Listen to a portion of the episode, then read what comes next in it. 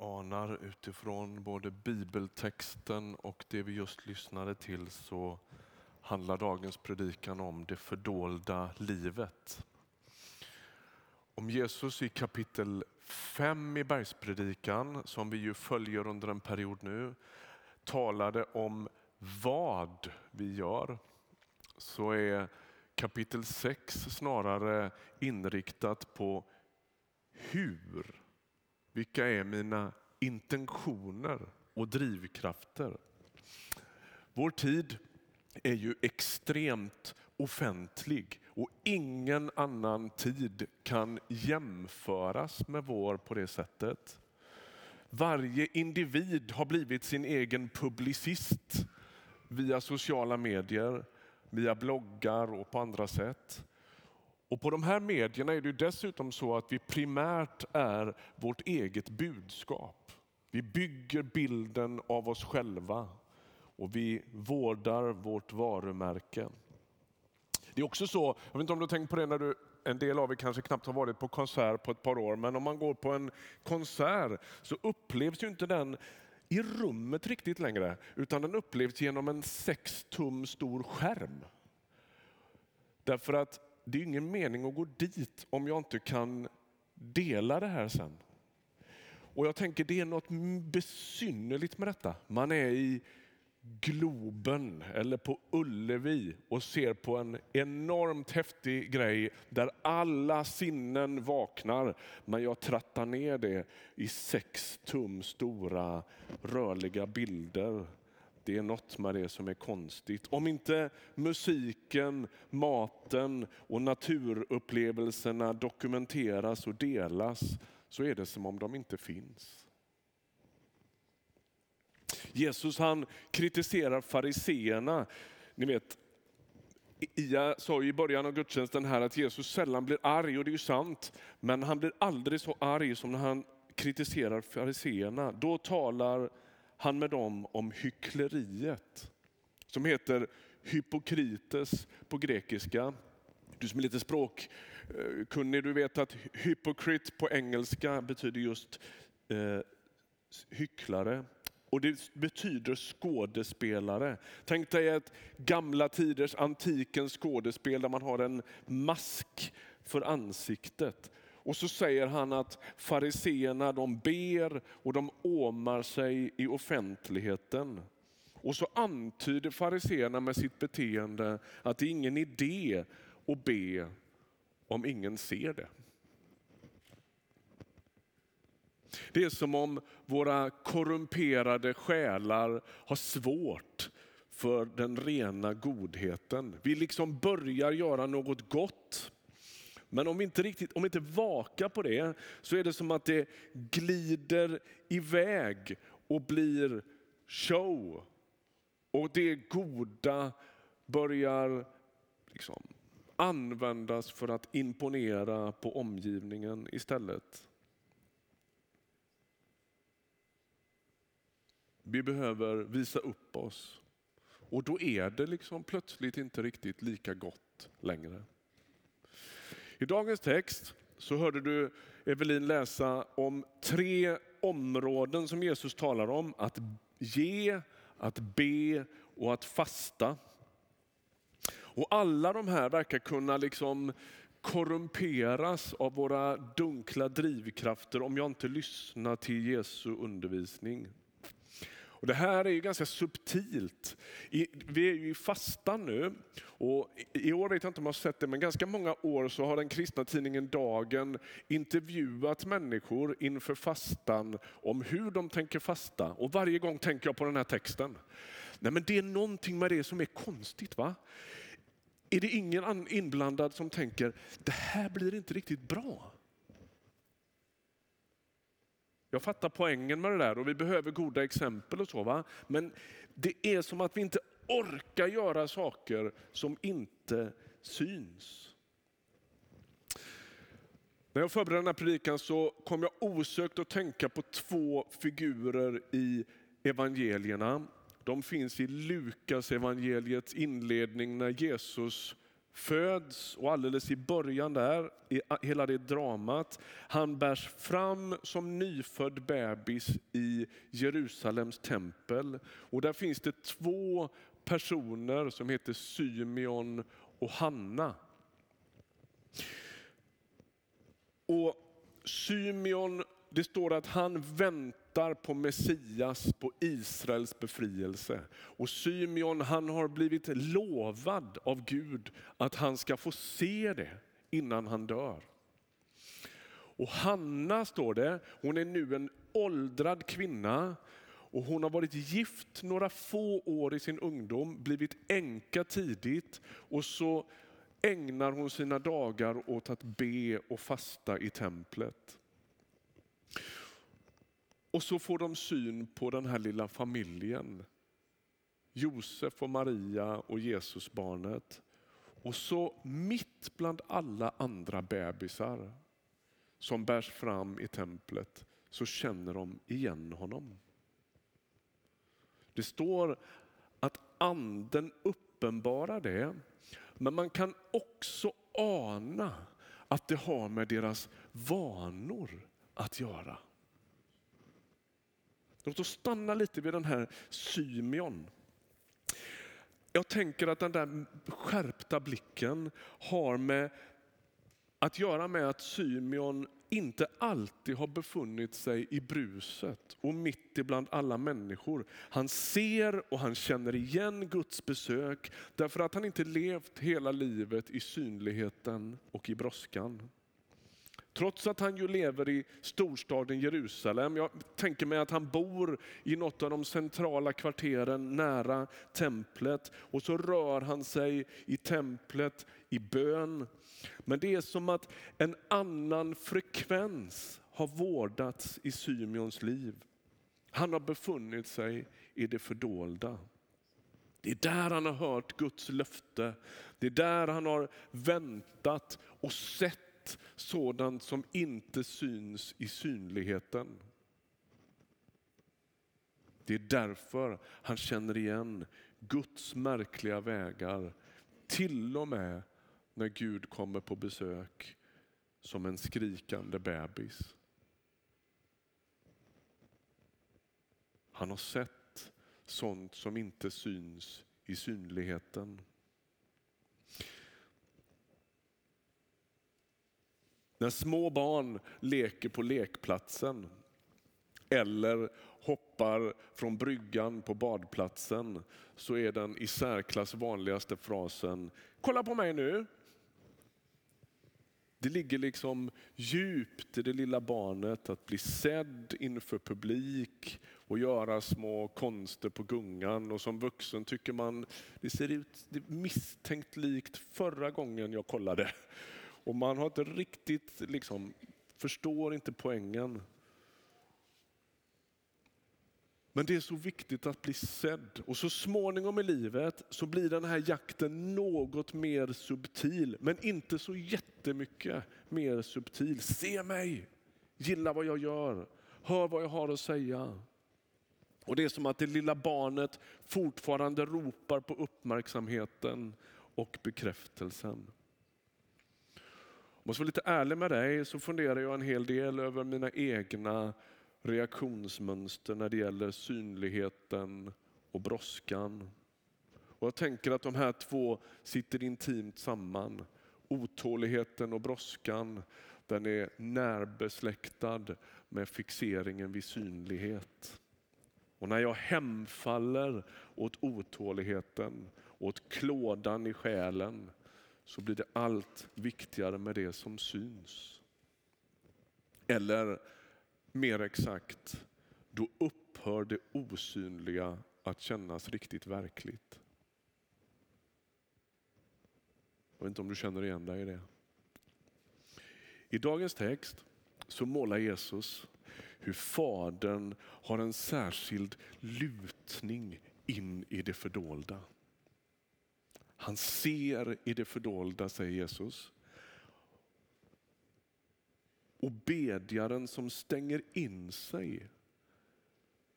Och Det är ju naturligtvis i någon mening bildligt. Jag stänger ute en del andra saker och rör mig under ytan. Jag lånar mig inte ständigt åt offentligheten. Den bedjaren får den största av alla belöningar.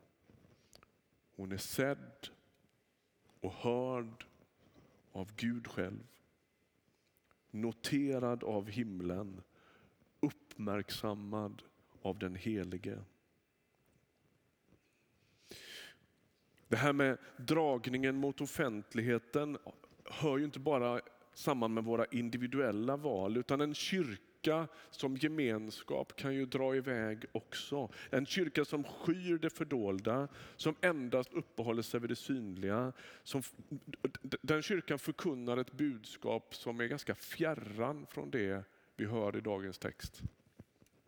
Om estrader ljusriggar, antalet videostreams liksom blir det viktigaste och drivkraften och måttstocken så kommer den kyrkan allt mer att förflackas och dessutom göra sig skyldig till att predika budskapet att estraderna ger en mycket bättre belöning än den Gud som finns i det fördolda.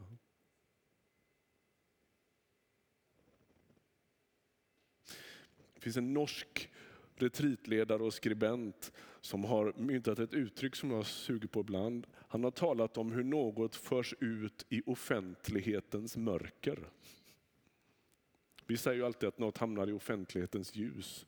Men det, det, alltså det där är ett bra uttryck. va? Vad händer med offentligheten? Den bär på, den bär på dragningar som inte är bra. Somligt mår bäst av att bevaras i hjärtat. Somligt mår bäst av att utföras inför honom som både ser och som är i det fördolda.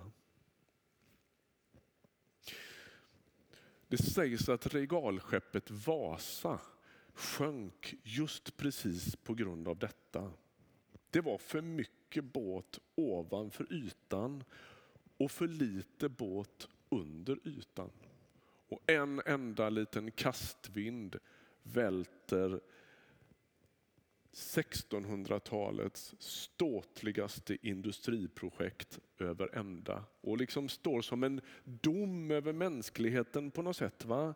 Vår ständiga dragning mot förfänglighet och yta. Båten sjunker mitt i Stockholmsström efter 20 minuter med kanoner, guld och allt. Då det vitala livet under ytan har valts bort till förmån för prakten och det synliga. Alltså, det är ju inte så att vi kan leva utan andra människors bekräftelse och gillande. Det är ett djupt liggande behov hos oss människor. Men till sist så kryper ju dagens text ändå lite nära. Då.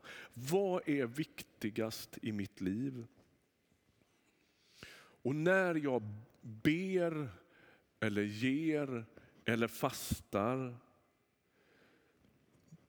duger det för mig?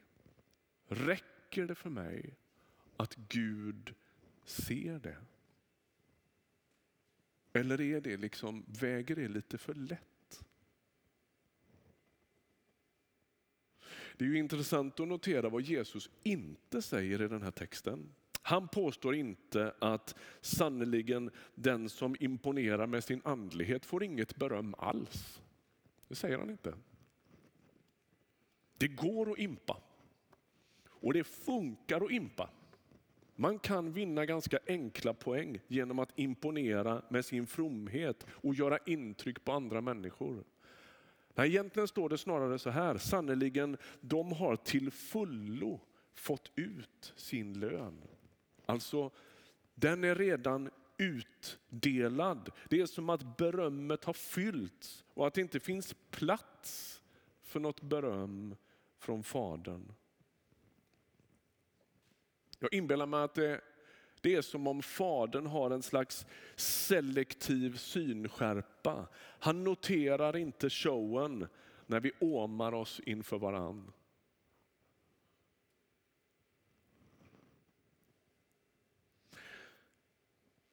Om en buddhist skulle ha undervisat om detta som Jesus undervisar om så skulle han sannolikt undervisa om tekniker för att eliminera längtan efter att bli sedd. Att liksom nollställa det behovet. Men det är inte det Jesus gör. Han vet att bekräftelsen av att vara sedd, noterad, att det är djupa behov.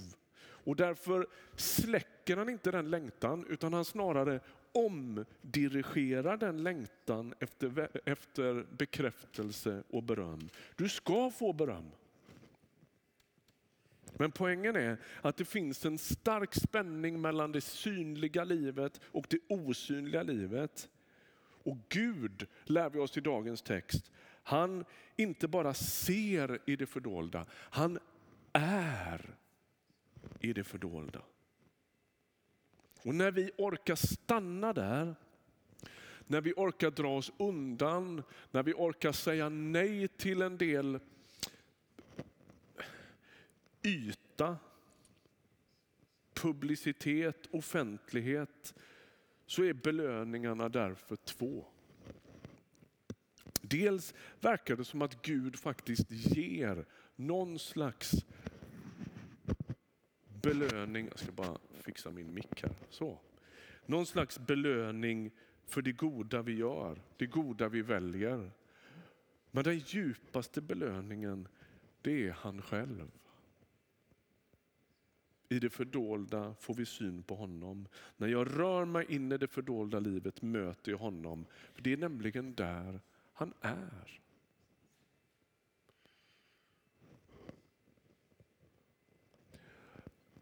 Slutligen, det verkar ju svårt att göra rätt. Det kanske är bättre att låta bli att ge och be och fasta så man inte drivs av fel motiv. Jag skiter i alltihop. Så blir det åtminstone inte fel.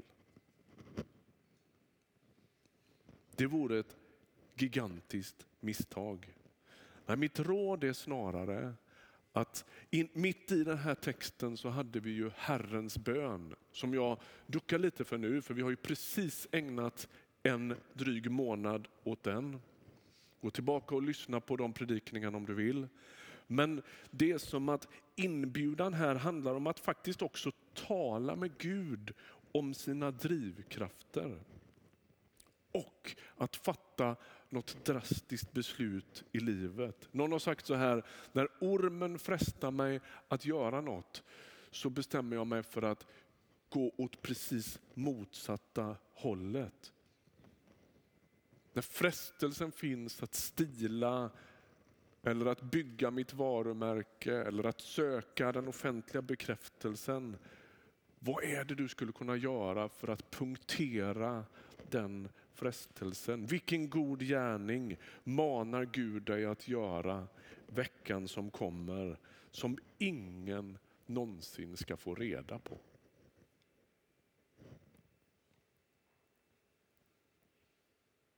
Gud ser i det fördolda och han är i det fördolda. Låt oss be tillsammans.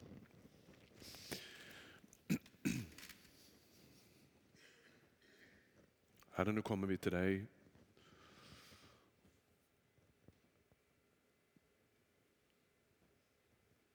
Du som inte är tillnärmelsevis lika fängslad av image, yta och varumärke som vi ständigt dras åt. Vi ber dig att inte leva våra liv som regalskeppet Vasa. Låt det få finnas ett, en värld under ytan som matchar det som syns.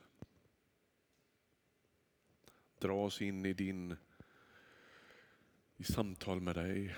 Dra oss in i förtroligheten. Och bevara oss ifrån all frestelse att använda dig för att bygga oss ett namn. Tack för att du låter dig finnas. Tack för att du är på riktigt. Tack för att du söker våra liv. Jag ber för mina vänner här i Ryttargårdskyrkan. Jag ber för alla framför skärmar och radioapparater. Herre, Dra oss in i din gemenskap. Dra oss in i din närhet. Forma oss efter din bild. Amen.